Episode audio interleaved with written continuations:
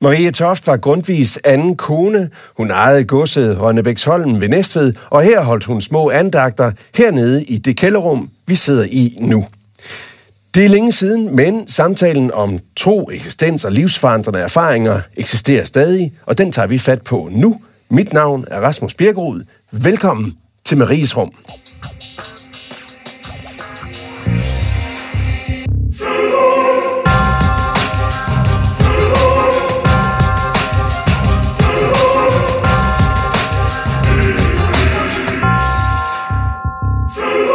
Og jeg er som altid flankeret af en gæst og en af programmets faste præster. Og gæsten, det er dig, Jakob Birkler. Velkommen. Tak skal du have.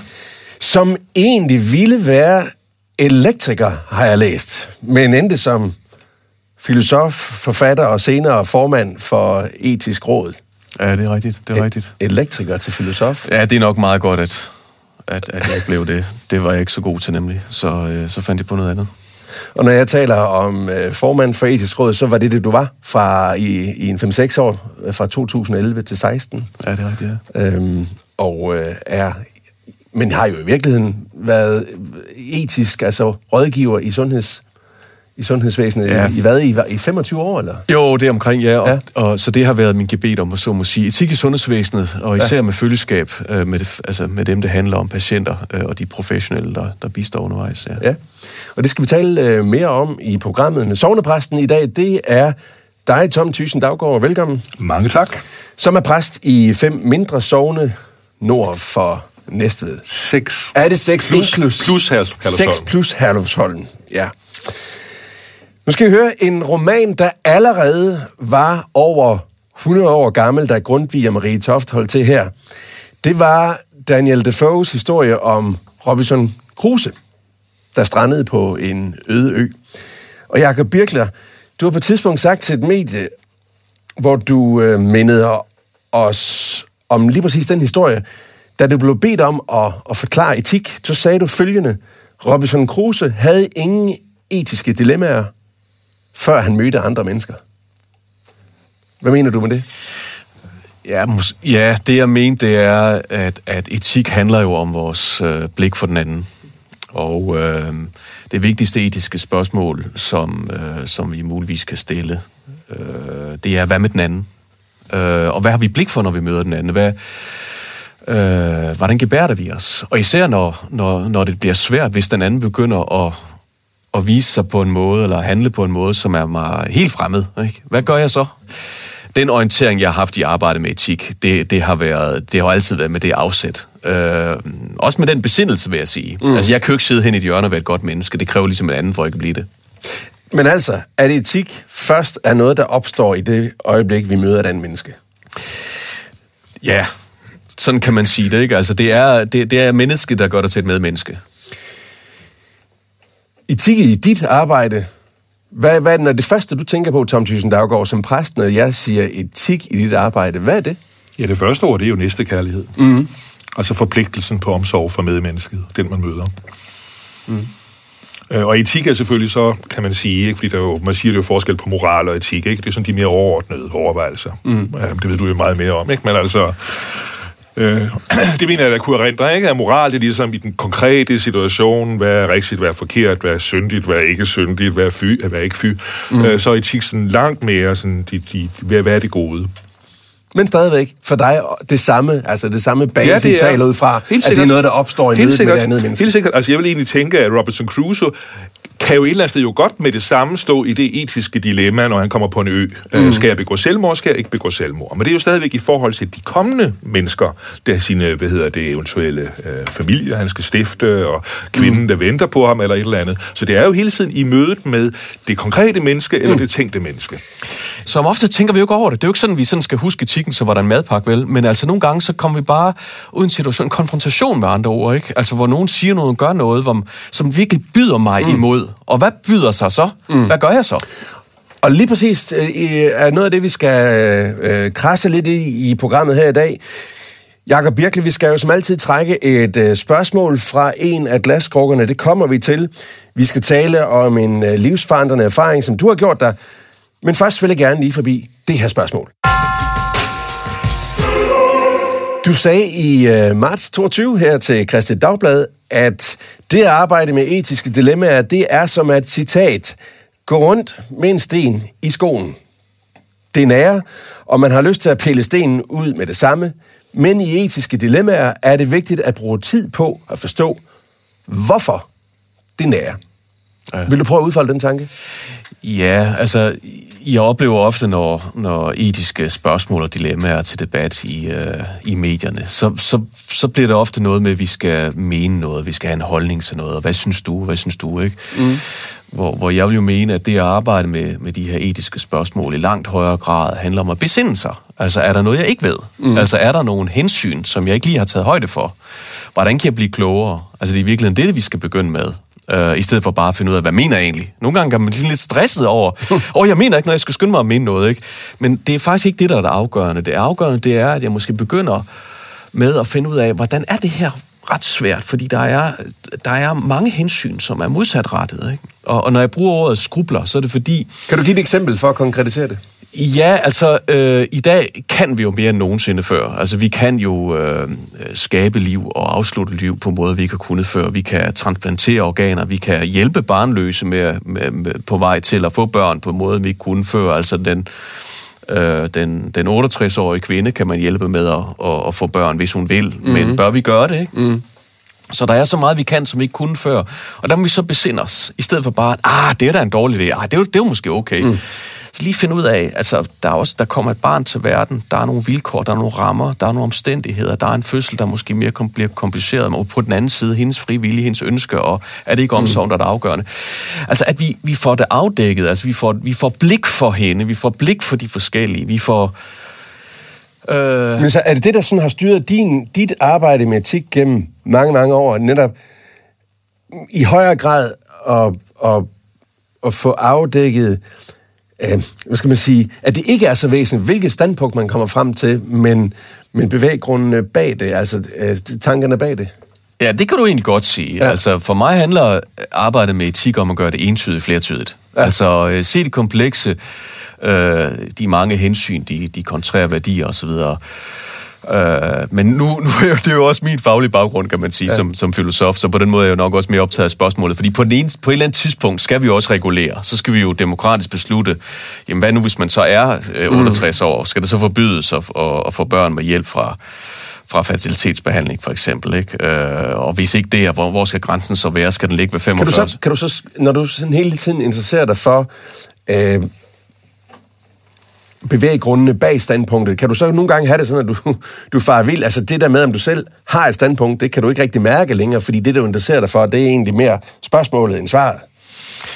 Altså, det er faktisk et godt spørgsmål, du stiller der. Det bliver jeg nok nødt til at svare ja til. Altså, det, det, ja til hvad? Ja, ja til, at der kan jeg godt selv nogle gange fare lidt vild. Ikke? Ja. Altså, øh, fordi hvis der er en, der kommer med et meget skarpt standpunkt, mm. så kan jeg nok have sådan perfekt ikke? En, ja. en tendens til simpelthen bare at mene det modsatte. Ikke? Mm. øh, og, øh, og, og, og der, der, og det var noget af det, jeg selv faktisk synes var en, en større opgave, da jeg sad også i etisk råd på et tidspunkt, så faktisk at kunne stå et sted Altså, det, altså et ja. stort sted, ikke? Det, det mener jeg så. Mm. Og det var jo vores opgave, for vi skulle jo rådgive øh, regeringen, ikke? Så, så vi blev nødt til at finde et, en, et, et sted at stå.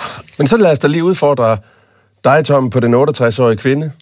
Lad os lige være konkret. Det er jo også øh, nogle gange helt konkrete spørgsmål, vi taler om. Skal det være, skal det være lovligt at få barn som 68-årig kvinde?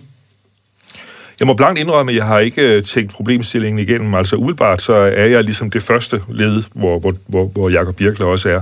Altså i tvivl, og, og, og kan ligesom se, at på den ene side, så må det jo handle om, at, øh, at kvindens ret til selvbestemmelse, hvis det er fysisk muligt, og, og man kan undgå komplikationer mm-hmm. osv., og det kan man jo, det er spørgsmål om, om, om teknologi, ikke? Mm. Og, på det, og, og på den anden side, så er det jo det her med, jamen altså, øh, er, er, er en 68-årig, hvad hedder det, up to the game, altså, mm. Er hun i stand til rent fysisk at have den energi og have det nærvær, som, som, øh, som et barn skal have. Altså det er sådan... Grundtvig var 72 år, da han fik Ja, ja, ja, men var det ham, der opdrog barnet, eller, mm. var det, eller var, er vi i 1800-tallet, hvor det måske mest for moren? Ikke? Altså, mm. øh, du skal jo som, som, som... Altså, en af i et ægteskab skal jo i hvert fald være fuldstændig top-tunet på, at ja. det her barn leverer og skal have din opmærksomhed og ødelægger din nattesøvn i 3-4 år og så videre. Ikke? Altså, det, det kan godt være det lidt biologistisk måde at tænke på. Kan jeg ikke præster, Tom? Nej, men jeg synes, det er et dilemma. Jeg synes, det et ja. dilemma, og, og jeg er simpelthen i tvivl. Altså, jeg, jeg, jeg, jeg, jeg, jeg har ikke taget stilling til det. Er du selv kommet, Jakob Birkler, er du selv kommet frem lige præcis nu? Er det det spørgsmål, vi taler om, helt konkret? Til en ja, holdning? men det, det, er, det er jeg så rent ja. faktisk ikke. Men nu sidder jeg jo, det skribler så i mig for netop at argumentere mod de synspunkter, du kommer med. Og det er ikke, fordi jeg nødvendigvis er uenig, for det tror jeg faktisk ikke, jeg er. Men, men, men øh, jo, altså i forhold til aldersgrænsen, der mener jeg faktisk, at den muligvis skal ændres fra 45 og hæves, men jeg mener absolut ikke 68. Men det handler faktisk om, at der kan være nogle komplikationer under graviditet og fødsel, som er hensyn til barnet måske, vi skal besinde os på. Mm. Øh, men, men, øh, men, men man kunne sagtens forestille sig for eksempel, at, at en kvinde øh, øh, mere livserfaren, øh, jo også har en økonomi til for eksempel at have en til at hjælpe, for eksempel, eller, eller måske overskud på anden måde, osv. Så, så der, der er... Det vigtigste for et barn, det er jo omsorg, tryghed og en sikker tilknytning, så... så øh, Øh, så, så det, jeg har, jeg har, det har naget mig, øh, og, øh, og jeg synes faktisk, at den... Hvad er det, der har naget dig for? Ja, det har, det, har, det har naget mig på den måde, at, at de argumenter, der hidtil er blevet brugt i den her debat, har typisk mm. været de der naturlighedsargumenter. Ikke? Altså at, jamen det er jo unaturligt, ja. men det er et meget dårligt argument faktisk, øh, fordi der er så meget, der er unaturligt, som vi skal være meget taknemmelige for, især i sundhedsvæsenet. Man kunne tage for eksempel tra- organtransplantation som eksempel. Det redder mm. liv, men mm. det er jo ikke sådan naturligt på den måde. Og der er meget naturligt, så er helt forfærdeligt. altså, der er to katastrofer, og så kræftsvulster og sådan noget. Ikke? Ja. De er jo meget naturlige. Så, så, øh, øh, men, men, så, så, så det er jo... Det er jo, det er jo øh, det har nok, jeg tror lige med det, det spørgsmål, der er det nok endt med, at jeg har set på de komplikationer, vi ved, der opstår, og der har været øget risiko for, øh, når, når kvinden bliver ældre. For ellers har det jo ret i med din pointe også, at, at, at der er jo mange mænd, der, der er jo meget senere i livet øh, for børn. Og så kunne man jo så i ligestillingens navn jo pege på, hvordan vi også skal, skal hjælpe kvinder senere. Men, men vi skal huske på hensyn til det barn, der bliver født, og de komplikationer, der opstår nu Så også. bare så vi, øh, sådan, kan, når nu du siger det, her er der faktisk et område, hvor du er kommet frem til en, en holdning. Ja, det er, ja, og, ja. og, bare så vi helt ja, kan skære ja, ned i pap. Hvad ja, ja, så de, altså nu var eksemplet med de 68 ja. år, det vil, det vil for mig se være for langt at gå, men muligvis at flytte den fra Altså det hedder jo 40 år i det offentlige, men betaler man selv, hedder det jo 45. Mm. Altså at flytte det for eksempel 5 år, det tror jeg kommer til at ske simpelthen, og det ja. bliver også stå, stå, stå bag. Okay. Men, men, øh, men en eller anden grænse skal vi jo sætte på et tidspunkt. Ja. Oh, jeg kan godt lide den indånding, du lige tager der, og så armen over kors. Altså, det er ikke helt nemt at være filosof Nej, fordi og skal rådgiver i altså, Jamen, det er fordi, det handler jo netop ikke om mig. Det handler ikke om mig. Jeg kan, det handler om mig, hvis du spørger til en holdning, men det, det handler om, det er jo øh, de mange, der er involveret her, som vi skal have blik for. Og der holder jeg meget tanken af at spørge dem, det handler om. Mm. Øh, de børn, der kommer til verden, de kvinder, der bliver øh, gravide meget sent, der føder barn, børn mm. osv., ikke? de samfundsforhold, der går så gældende, de professionelle, der står og tager imod de her børn osv., øh, at, at den erfaring, vi får den med, det, det skynder jeg faktisk er ret afgørende til, til besindelsen om det mm. øh, spørgsmål her. Ja, Tom Thyssen Daggaard. Du har ikke armen over kors, du har foldet hænderne. Nå, men altså, det er jo også, altså, øh, hvad hedder det, jeg er fuldstændig enig i det der med det naturlige. Jeg synes, det er et sindssygt dårligt argument at bruge naturlighed, fordi, jamen, altså dybest set, så er en stor del af det, mennesker gør, det er jo at bekæmpe naturlighed. Når vi har et sygehusvæsen, så bekæmper vi naturlighed. Det er at bekæmpe øh, ved infektioner og så videre. Det er jo dybest set at gå mod naturen. Mm. Øh, og, og, og, når man prøver på at forhindre vold, øh, folk her går i krig og så videre, så, videre, så er det jo også et forsøg på at, at dæmpe menneskets naturlige aggressivitet. Nu skal vi til at få trukket et spørgsmål fra glaskrukkerne og Jakob Birkler. Du skal vælge først en af krukkerne, Gud og Jesus-krukken, eller Mystik og død-krukken. Så trækker du et spørgsmål og giver det til mig. Ja, altså, jeg synes jo, som filosof alene kategori øh, modsætningen her er jo interessant, ikke? Jeg vil sige, mystikker og død kunne også have med Gud det, det blev, det blev øh, for du at sige det vildt. Men det blev faktisk mystik og, og død i krukken, og det er lidt interessant, at vi trækker det spørgsmål, som måske øh, du lige var inde på, Tom Thyssen Daggaard. Jeg har skrevet her på det her spørgsmål, og I kan tolke det, som I vil. Men I starter først med ja eller nej, og så diskuterer vi derfra. Er det moralsk i orden at begå selvmord?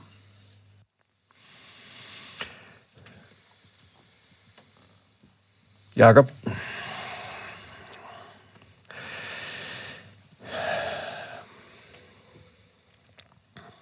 Det afhænger af den enkelte situation. Jeg ved godt, det er et meget fattigt svar at give.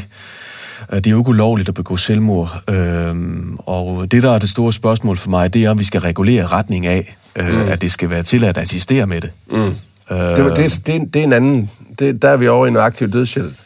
Så, så jeg får ikke et ja og nej på den fra... Hvad får jeg det for dig, Tom Thyssen Daggaard? Er det moralsk i orden som udgangspunkt at begå selvmord? Det giver situationer, hvor det er i orden, og det giver situationer, hvor det ikke er i orden. Jeg vil jo helst møde det menneske. Ja. Øhm, og, øhm, og, og så vil jeg jo, og det tror jeg, det er dybt menneskeligt, så vil jeg øh, forsøge at hjælpe. Ikke i retning af selvmord eller ikke selvmord. Mm. Det er det, der er min pointe. Men mere at finde blik for det menneske. Altså, jeg kan huske, at jeg blev kontaktet af, af øh, nogle lokofører, da jeg var formand Ja. for etisk råd, fordi der er jo nogle danskere, der kaster sig ud foran et tog, ikke? Og de vil egentlig gerne have indført en mulighed for aktiv dødshjælp, fordi så mente de selv, at så kunne der måske være en, en mindre antal, der faktisk kaster sig ud foran et tog. Ja. Øh, Og hvor min pointe er, at det vil være lidt en pushy ordning, hvis man så skulle stå der og så sige, at du behøver ikke at begå selvmord, fordi vi har noget, der er meget bedre. Vi har en dødsbrøjte, ikke? Mm. Og min pointe er egentlig den, at, at at, at som, som du også citerede mig for tidligere, ikke? Altså, at det handler om et blik for de mennesker. Det handler om et blik for de mennesker, der har det svært. Det er det, der er afgørende. Det er det, der er den etiske forpligtelse. Øh, ikke som det første, er det så okay eller ej. Nej, men at finde det menneske, møde mm. det menneske, se det menneske, der har det svært, og begynde der. ånden i spørgsmålet, for hvis jeg skal prøve at, uddybe det, det er jo også, at hvis man sidder til begravelseskaffe ved folk, der har øh, hos selvmordere, så, så kan man godt stå med den her tanke, jamen, hvad, er, det, altså, er det her egentlig helt fundamentalt set i orden? apropos naturlighed. Altså, at vi, vi på den måde foregriber naturens orden og tager, tager, tager sig selv af dag. Øhm, øh, for- for- for mig er det ikke et spørgsmål Altså, har vi den individuelle ret som skabninger på jorden og gøre det af med os selv? Altså, altså, altså øh, det, det, det, det, altså, det, er jo, det er jo også et religiøst spørgsmål. Altså, Ja. Et eller andet sted, så mener jeg jo nok, at, at, at, at, øh, at, at, at der er vi... Ja, vi er så selvforvaltende, det har vi måske ret til, men vi skal jo et eller andet sted virkelig tænke på, hvad konsekvenserne er mm. for vores medmennesker. Fordi du, kan, du sætter jo som regel meget dybe ar i, ind i, øh, hvad hedder det, i andre mennesker, det du gør. Mm. Altså det har jo nogle, nogle livslange komplikationer for folk omkring dig. Og det, det skal du i hvert fald, og det, kan, det jo, du, har du jo sjældent blik for, når du står foran et selvmord. Fordi så er du så som regel i, din, i så nede i nogle mørke tanker, at du er uhyre selvkredsende, og du kan simpelthen ikke se andet end, at det, hvad det er dig, det handler om. Eller også så ser du dig selv, selv som en utrolig byrde for andre mennesker, Ja. og det vil bare let tingene så meget for andre. Ikke? Så du har ikke noget, du har ikke, du, du er ikke noget klart blik i, den, i det der øjeblik. Og og det, det, det, det, det er jo klart, at du skaber jo en lidelse og en sorg og en smerte hos andre, som måske kunne være undgået, hvis du på en eller anden måde kunne have hævet dig op over den der, øh, hvad hedder det, lidelse, du har lige nu. Men jeg synes også, at det, det ville være meget arrogant, hvis det var, at jeg sad her i al min abstraktion og sagde, at det var, det var moralsk eller umoralsk, eller rigtigt eller forkert, øh, uden at vide de konkrete omstændigheder og de vilkår, det menneske lever under, og have set det menneske, mødt det menneske. Mm. Øhm, det er det, jeg altid begynder. Det er det, jeg altid gerne vil begynde med, og det er derfor, jeg arbejder i sundhedsvæsenet blandt patienter, der har det svært. Mm. Så du kan godt se dig for dig, ja, i... Jamen, jeg har mødt patienter, som har ønsket det, Ja. ja. Søren. Øh, Og jeg- hvor du tænker, det kan du sådan set godt forstå, det er... Det, det er mm, Jamen, så er det jo- det har du egentlig også din fundamentale ret til at gøre. Ja, altså, mm. og, og der har jeg jo set, hvordan der også er blevet taget hånd om. Det, det har jo ikke handlet om, at så, så har man bare sagt, at det må du ikke, Nej. og det kan du ikke. Nej. Nej, det handler om det modsatte. Mm. Hvis der er en patient, der har ønsket, nu vil jeg ikke leve mere, øh, så begynder man jo der. Så, så ser man jo der, og er der hos det menneske, finder det menneske. Er, ikke, ikke for, at, at, at mennesket skal skifte beslutning. Det er, ikke, det er ikke det, der handler om. Men man begynder der og hjælper der. For ofte er det fordi, at hjælpen ikke er kommet at patienten har det ønske. Jeg kan huske, at jeg var sammen med en sygeplejerske og gik ind til patienten, og, og patienten nærmest væsede af os og sagde, ja, hvis jeg havde en hund, så havde jeg gjort det med mig. Ikke? Mm. Og så sagde sygeplejersken meget klogt, men det er du ikke, og nu vil vi gøre alt, hvad vi kan for at hjælpe dig. Som jo ikke handlede om at for, altså forlænge eller forkorte livet, men handlede om at være i det liv, som er svært for dig. Nu her. Mm. Ikke? Og det er der, vi skal begynde. I stedet for i vores abstraktion at sige, det er rigtigt eller forkert. Mm-hmm. Eller, det, det, det, det er mit arbejde med etik. Og jeg synes måske også, det mere interessante er, øh, hvad hedder det, at kigge på, vores eget syn på dem, der begår selvmord. Fordi der er det jo en, selvfølgelig en tilbøjelighed til, at mange tænker på, på, på altså, det, at man er vred, eller man er bitter, mm-hmm. eller forrettet, eller hvorfor. Og i stedet for, at man, man, man tænker på dem med omsorg, altså at det er jo som regel forbundet med, med dybe mentale mm. smerter, at komme til den overvejelse. Ikke? Mm-hmm. Øh, og, og, og, og, og et eller andet sted sådan, tænk på, hvordan vi i grunden forholder os til dem, rent psykologisk. Ja, altså, jeg, jeg kan huske den her, det her begravelseskaffe, der var en, der rejste op og sagde, jamen, vi må bare insistere på, at det er et hvert menneskes ret at, at, at begå, begå selvmord, og det må vi bare acceptere. Og jeg kan huske, at jeg sad der og tænkte, mm, den vendte sig i mig på alle ledere. Altså, jeg kunne ikke, jeg kunne ikke bare acceptere den, den, øh, den, den tanke, at... Øh, det, fordi, at og det er, fordi du er et menneske? Selv, selvmordens manglende blik for sin... Ja, men det er jo, fordi sin, vi ikke er øh, Robinson Crusoe, ikke? Altså, ja. vi er jo forviklet med andre mennesker. Ja. Altså, så, mm. så vi er jo et eller andet sted jo også forpligtet på at tage hensyn til dem, så, så, så vi er jo ikke... Øh... Det er derfor, jeg siger, at det er meget konkret. Jeg kan nævne, øh, at jeg selv har haft selvmord også tæt inde på, på mm. livet i min egen familie. Mm. Og, øh, og det ville være fuldstændig absurd, hvis jeg skulle forfølge den tanke der, som du lægger frem, altså fra, fra begravelsen der, og jeg så skulle sige, når jamen, hvis det virkelig er hendes tanke, så må jeg jo nok hellere hjælpe hende med det. Så kan det være, at jeg skal finde et ræb, eller give nogle omstændigheder, hvor det bliver lettere. Mm. Og ved du hvad, der kan jeg bare sige helt ærligt personligt, det var ikke min indskydelse. Nej. Min indskydelse, det, det var, hold da op, hun har det svært, ikke? Ikke? Nu øh, nåede hun så at, at, at tage livet af sig selv, men, men jeg ville da ønske, at jeg havde været der for hende. Mm. Altså helt inderst, ikke? Og, og min indskydelse var jo ikke at bistå med hendes forhavne. Det var egentlig heller ikke, at så, så skulle forhindre hende i det, men at være hos hende. Ikke? Ja. Og få lov at være en del af hinandens smerte. Og, og, og Se hende, møde ja. hende, ja. være med hende, for hende. Ja. Jeg tror, det her det er de her spørgsmål, hvor vi bare ikke har som ambition at komme frem til et ja eller nej, men fortsatte overvejelser om det dilemma. Og derfor så vil jeg egentlig gå videre til næste runde. Det du erfarer, det kan jeg lære af. Og med den tanke for øje, så beder vi altid vores gæster om at skrive et ultrakort brev til os, som beskriver en livsforandrende erfaring. Jakob Birkler har skrevet sådan et brev til os. Værsgo og læs op. Jeg sidder hos en døende kvinde på hospice, hvor kræften har stoppet hende midt i livet. Hun ligger i smerter, men ønsker, at jeg bliver. Jeg ønsker, at lidelsen slutter, alt imens hun glædes over endnu en dag. At øjne hende var en livsforandrende erfaring. Tak for det, Jacob. Hvor er vi henne, og hvornår? Vi er på øh, St. Maria Hospice øh, for en del år siden. Som ligger i, i, øh, i Vejle. Ja. Det er nu flyttet uden for byen nu, men, men dengang lå det centralt i byen. Og, øh, og der var jeg i forbindelse med et, et forskningsprojekt. Det er en lang historie, som jeg ikke skal trætte nogen med her, men det var, det var på et tidspunkt, hvor jeg øh, havde besluttet mig for, at hvis jeg skulle arbejde med etik, så blev jeg nødt til at gøre det blandt dem, blandt dem det handlede om. Mm. Så, øh, så, øh, så det var en 15 år siden, hvor jeg begyndte at, at følges med, med døende. Og, og der var øh, det var en af de første gange, hvor jeg fandt ud af, øh, for det første, den værdi, det har, ikke at gøre noget, men bare at være noget. Mm. Der var ikke nærstående her. Kvinden, som jeg skriver her, havde stoppet, altså kræften havde stoppet hende midt i livet, ikke? Og, og der var ikke nogen nærstående, så, så, så jeg var der. Hvor gammel var hun? Hun har været omkring de 50. Ja. Og, øh, øh, og, og, og hun, hun bad mig om, at jeg bare blev, men jeg kunne ikke gøre noget. Mm-hmm. Men jeg var der bare. Mm. Ikke? Og det at, at se og mærke den værdi, det er det ene, men også det der med, at og det var det næste, og det var nok den hårdeste erkendelse, det var, at jeg sad der og havde tanker for det bedste for hende. Det er, det er, det er nærmest, jeg får det helt dårligt bare ved at sige det, ikke? men jeg sad faktisk og fik nogle tanker om, hvad, var det, hvad der var det bedste for hende. Mm. At det snart sluttede, mm. at det snart var forbi. Ikke? Øh, fordi hun var meget svær at smertedække, og hun lå faktisk og vred sig i sengen. Mm. Og, og, det, og, og, jeg, og, og nu, nu er det næsten helt usmageligt, det jeg siger nu, men jeg sad og synes det var svært at bare sidde der ved siden af. Men det var jo ikke mig, det var svært for. Men alligevel fik jeg den tanke, at måske var det bedre, at det snart var forbi for hende. Ikke?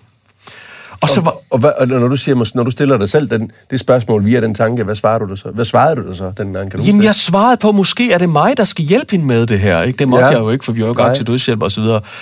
Øh, men, men, men, men det var jo... Altså, at hun så, og så dagen efter, hvor jeg så øh, kom, kom, kom ned til hende igen, jeg sov på et kammer der på hospice, Øh, og hun så sagde til mig, øh, tænk Jacob, jeg fik en dag mere. hmm. så fik jeg virkelig noget at tænke over. Hmm. Fordi ved du hvad, det eneste, jeg havde haft blik for, det var dybest set mig selv. Ikke? Fordi at du havde, du havde, du synes det var Jeg synes, smertefuldt at det var så uværdigt, hun skulle ligge der ja. og vride sig i smerter, ikke? Mm. Men jeg har dybest set bare blik for mig selv, ikke? Ja. Så værdighed ligger i øjnene, der ser, ikke? Øh, og, og, og jeg havde, jeg havde mistet det, som jeg har sagt til dig i starten af udsendelsen, som er det aller, aller vigtigste. Det er jo et blik for hende. Mm. Selvom jeg sad der, selvom jeg sad lige ved siden af, har jeg mistet det aller, aller vigtigste. Mm. Et blik for hende. Mm. Hvor er du? Hvad vurderer du? Hvad mener du? Hvad ser du? Hvad håber du? Hvor er du midt i det her? Og den, den erkendelse er det, du kalder den livsforandrende erfaring, du har gjort der. Ja, ja Ja, mildt talt, ikke? ja, ja. Altså, fordi Ja. det, det betød både noget for mit arbejde med etik, det betød noget for nogle af de konkrete øh, dilemmaer. Jeg skiftede holdning også, det hele spørgsmålet om aktiv dødshjælp, aktiv ikke? Og jeg, øh, jeg begyndte at arbejde med etik på anden vis, jeg, mm. øh, og, og så jeg har jo været sammen med døden i mange sammenhænge, og øh, både øh, i nogen grad før, men i særdeleshed siden. Øh, men, øh, men, men det var i hvert fald noget af det, som, som, som fuldstændig ændrede både øh, altså, måden, jeg levede livet, men også mit faglige arbejde med etikken, ja. Men det er for hulen, der vel, Tom Thyssen Daggaard, det er vel for hulen, der er menneskeligt, det som, som øh, Jacob Birkel her ta- taler om, det gør vi da dagligt. Altså, at vi ser tilværelsen, fordi sådan er præmissen, gennem vores egne øjne. Ja. Altså, og, og sådan, så dig som præst, Ja. kan du genkende det, at du kan blive fanget i det, at du egentlig ser det med dit hoved og ikke med modtageren? Jamen, jeg synes, det, jeg synes, det er en meget interessant erkendelse, øh, og, og, og det er jo helt klart, det rammer jo plet i forhold til, at, at vi, øh, vi er jo meget mere øh, selvorienterede, vi går og bilder os ind. Altså, det handler meget mere om vores egen bekvemmelighed og så videre, end, end, end vi egentlig selv bilder os ind. Det gør.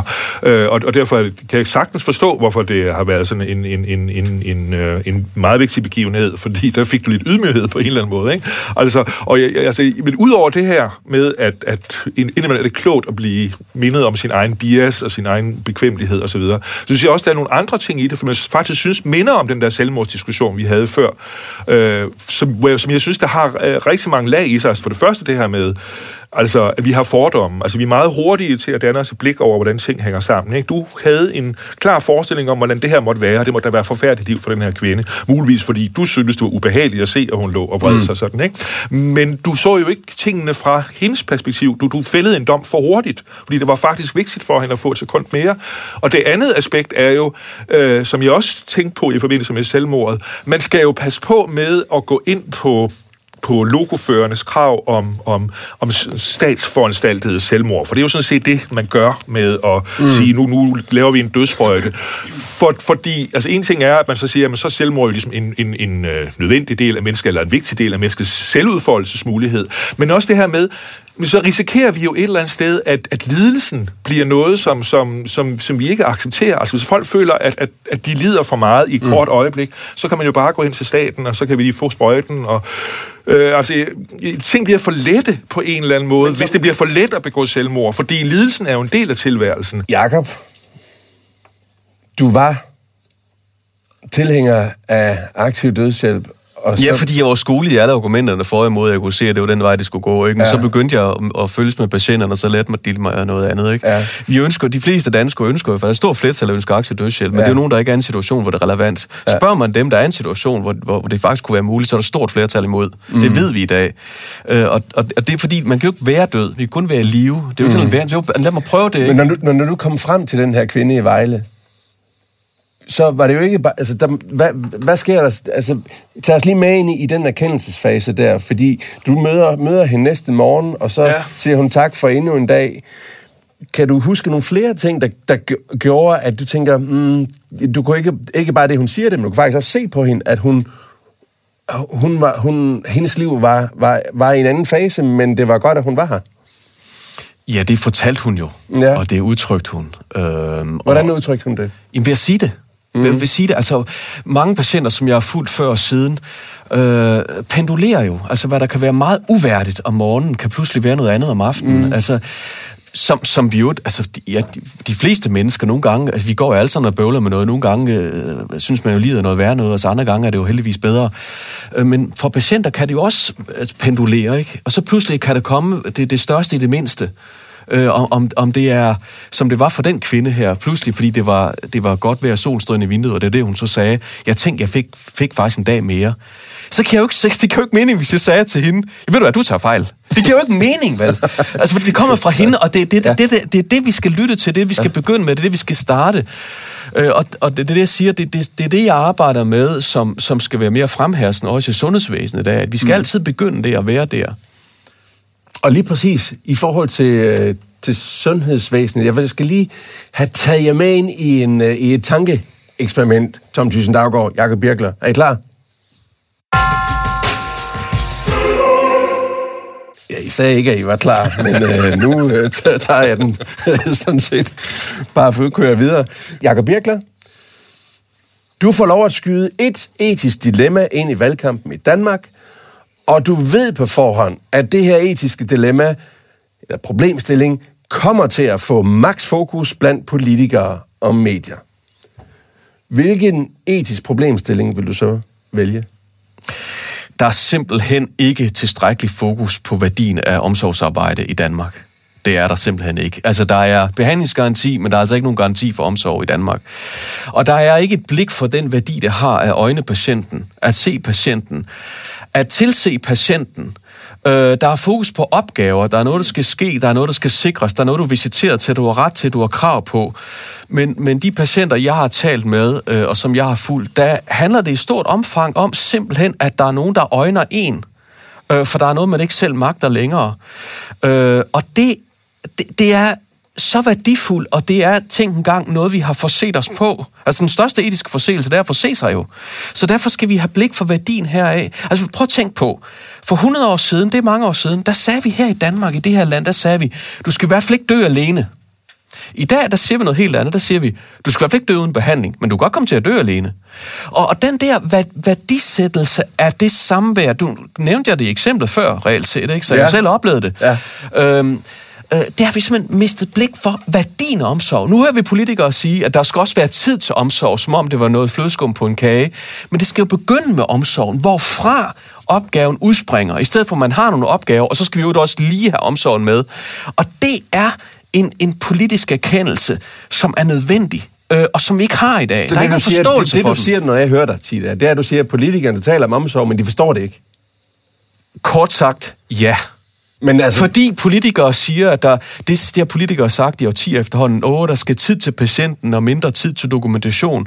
Men det er ikke et eller andet ekstra. Det er derudfra, vi begynder. Vi begynder med et blik for patienten. Okay, Jacob Birkler, så er jeg politiker. Så siger jeg bare, at nu kan jeg se pengene fosse ud af statskassen. Ja. Fordi nu vil du have ansat, jeg ved ikke, hvis vi også skal have tid til omsorg. Ja, lige niveau, præcis. Du taler om det er det, så, og der ender det altid. Og så, og, så, så, så, og så skal vi have en omsorgsmilliard eller værdighedsmilliard. Og så, og så siger noget andet. Nej, i første omgang handler det faktisk ikke om allokere penge eller midler. Det handler om, at vi har blik for omsorgens værdi, og at, at vi, vi... Altså, fordi man kan sige, hvis opgaven er de samme, hvor udspringer opgaverne så? Hvis sygeplejersken for eksempel starter øh, i en vagt og får nogle opgaver, øh, eller starter det med, at hun går ned til patienten, øh, og, og, og opgaverne udspringer derfra. Så, så mange gange er det faktisk øh, der, øh, den måde, vi, vi, øh, vi organiserer arbejdet, mm. vi, lader, vi rammesætter arbejdet, øh, og at vi lader, øh, øh, kan man sige, omsorgen kommer først for de opgaver, der følger efter. Og jeg har oplevet konkret, for at give et eksempel, en sygeplejerske, jeg fuldes med, som sad hos patienten i 10 minutter, og hun sagde til mig bagefter, hun fik dårlig samvittighed, fordi de andre går og løber på gangen i alt imens. Så det, det, der er simpelthen en, en forkert prioritering. Altså, der bliver, altså, der, der, der, der er fo- ensidigt fokus på førstehjælp, for lidt fokus på næstehjælp. Der er ensidigt fokus på at overvåge, monitorere, og for lidt fokus på at våge, altså et blik for, for den patient, det hele handler om. Og det, der skal vi begynde. Jeg taler selvfølgelig ikke om, at vi ikke skal have behandlingsgaranti, for det, det, det skal vi øh, selvfølgelig, og jeg, jeg er meget taknemmelig for de behandlingsmuligheder, vi har. Øh, men, men nogle gange, så, øh, så glemmer vi, i stedet for bare at tale om behandling, øh, behandlingsloft og behandlingsstop osv., øh, udsigtsløs behandling osv., at vi også taler om det liv, der bliver levet, det håb og det mening og det udsigt. Hvordan ser det ud for dig? Vi faktisk begynder der, og så lader opgaven udspringe derfra. Da vi talte sammen, inden uh, vi gik uh, herned, der nævnte du, at der har været et forsøg fra Kolding, var det, var det Kolding sygehus, hvor, man, hvor patienterne selv skulle skrive, hvad Der var, der, man havde nogle tavler, eller hvordan var det? Ja, altså, jeg har oplevet forskellige tiltag meget mm. konkret, altså, mm. som, som, som stemmer med pointen. Ikke? Ja. Altså, øh, det kan både være, at man som for eksempel som det første som sygeplejerske ikke går ned og læser op, men faktisk går hen til patienten og ser. Ikke? Mm. Øh, det kan også være, at der er tavler, ganske rigtig små whiteboards, hvor, hvor, hvor patienten kan skrive, hvad er vigtigt for mig i dag. Som man har ved sengen. Som er simpelthen mm. for hver enkelt seng. Det kan, ja. Og der kan også være foranstaltninger, der appellerer mere direkte til, man sætter sig ned øh, i de øh, sekunder eller minutter, der nu er til rådighed, men i det mindste ser. Altså, en barstol ved sengen. Konkret, ja. ja. Øhm, så der er en appel til, at man rent faktisk gør det, så man ikke bare går ned til patienten med noget, men også mm. går fra patienten med noget. Mm. Forståelse, vel at mærke, ikke? Lige efter jeg blev uddannet præst tilbage i 2000 i Aarhus, øh, hvad hedder det, der var jeg i, øh, fordi jeg ikke var så smart at komme ind i, øh, i dagpengesystemet med det samme, så kom jeg i bistandsaktivering mm. lige efter, og det blev jeg sat ud på plejehjemmene. Lokalcenter Marcelis var, var jeg i, og, og det, var, det var meget interessant. Jeg blev sat til at, at gøre rent, og så kom mm. jeg ud på plejehjemmene på et tidspunkt, fordi plejepersonalet viste sig, havde ikke tid til at snakke med de ældre.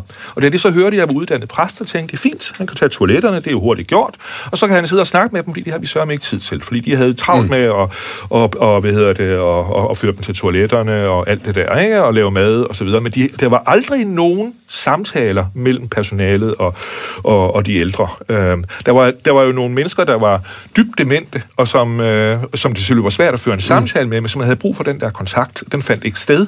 Øh, og, og der var jeg ligesom den, der så skulle føre de der samtaler, og det gav mig da et præg om, det var jo 20 år siden, 22 år siden, at der er et enormt behov for menneskelighed, enormt behov mm. for at give hinanden kontakt, i stedet for at vi bare et eller andet sted øh, tager os af og, og gør folk, øh, gør, gør, lave mad til dem og, mm. og gør rent og alt den slags. Der er en enorm mangel derude, og det gælder jo både sygehusvæsenet, det gælder safshus, men også i måden, man ser på de ældre på, mm. øh, hvor folk bliver stuet væk. Øh, så, så, og, og det kræver ressourcer, altså det kommer man ikke udenom. Så, så det er en, en svær politisk diskussion, fordi det er et ja, dyrt skal, Som det mindste, så skal man som det første øjne værdien af omsorg. Ja. Det er, fordi der, du har ret i, så kan det være, at pårørende inddragelses øh, pårørende og frivillige skal inddrages mere. Men, men hvad mener du med det? Fordi jeg har hørt politikere tale om, om værdien af omsorg de sidste 30 år. Ja, Hvad er men det, mener men, med, men det, ja, men når de, gør det, når de gør det, så er det typisk som sådan et eller andet ekstra lag. Ikke? Sådan, det, er noget, det er noget ekstra, hvor jeg siger, øh, nej, det er det, der begynder med. Og det er derudfra, øh, de her for eksempel sygeplejeopgaver, de udspringer. De udspringer af, at jeg har et blik for patienten som det første. Ikke? Mm. Så det er, det, der, det er en anden forståelse for omsorgen, der skal til. Men det er jo et helt livssyn, det handler om, og det er jo derfor, jeg siger, at det er jo det er kompliceret, det her. Altså for eksempel lagde jeg jo mærke til, at øh, jeg nogle af de her ældre virkede det som om, at det gav dem en stor selvrespekt eller selvfølelse af, at jeg sagde de til dem. Mm. Altså, nå, men så er jeg jo et eller andet, ikke? Altså, ligesom de, de blomstrede op, og de rettede ryggen. Altså, der var der et ung menneske, der sagde de til dem. Øh, øh, og for mig var det jo ikke noget offer at sige de. Altså, hvis det var vigtigt i hendes univers, hun følte sig anerkendt, hun følte sig mm. værdig ved den betegnelse. Hvorfor ikke? Men personalet kunne ikke drømme om at sige andet end du.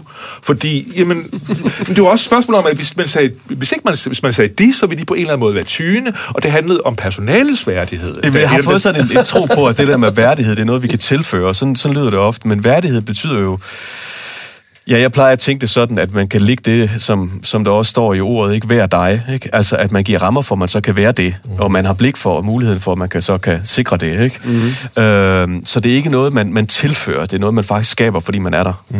Det er ikke kun politikere, øh, det er i samfundet det hele taget, er der simpelthen ikke tilstrækkelig øh, blik for, for omsorgens værdi og funktioner, og den nødvendige prioritet her. Jakob Birkler, du tog turen fra Esbjerg, hvor du bor med din kone og to teenagebørn hernede til Næstved. Tak fordi du kom. Selv tak. Og også tak til dig, Tom Thyssen Daggaard. Tak. Præst i uh, Næstved Provsti. Tak for at jeg måtte komme. Denne podcast er produceret i samarbejde med Rønnebæksholm og Folkekirken i Næstved. Henrik Vindeby tog sig af teknikken, så Nyborg producerede vores jingles, og mit navn er Rasmus Birkerud. Tak for nu.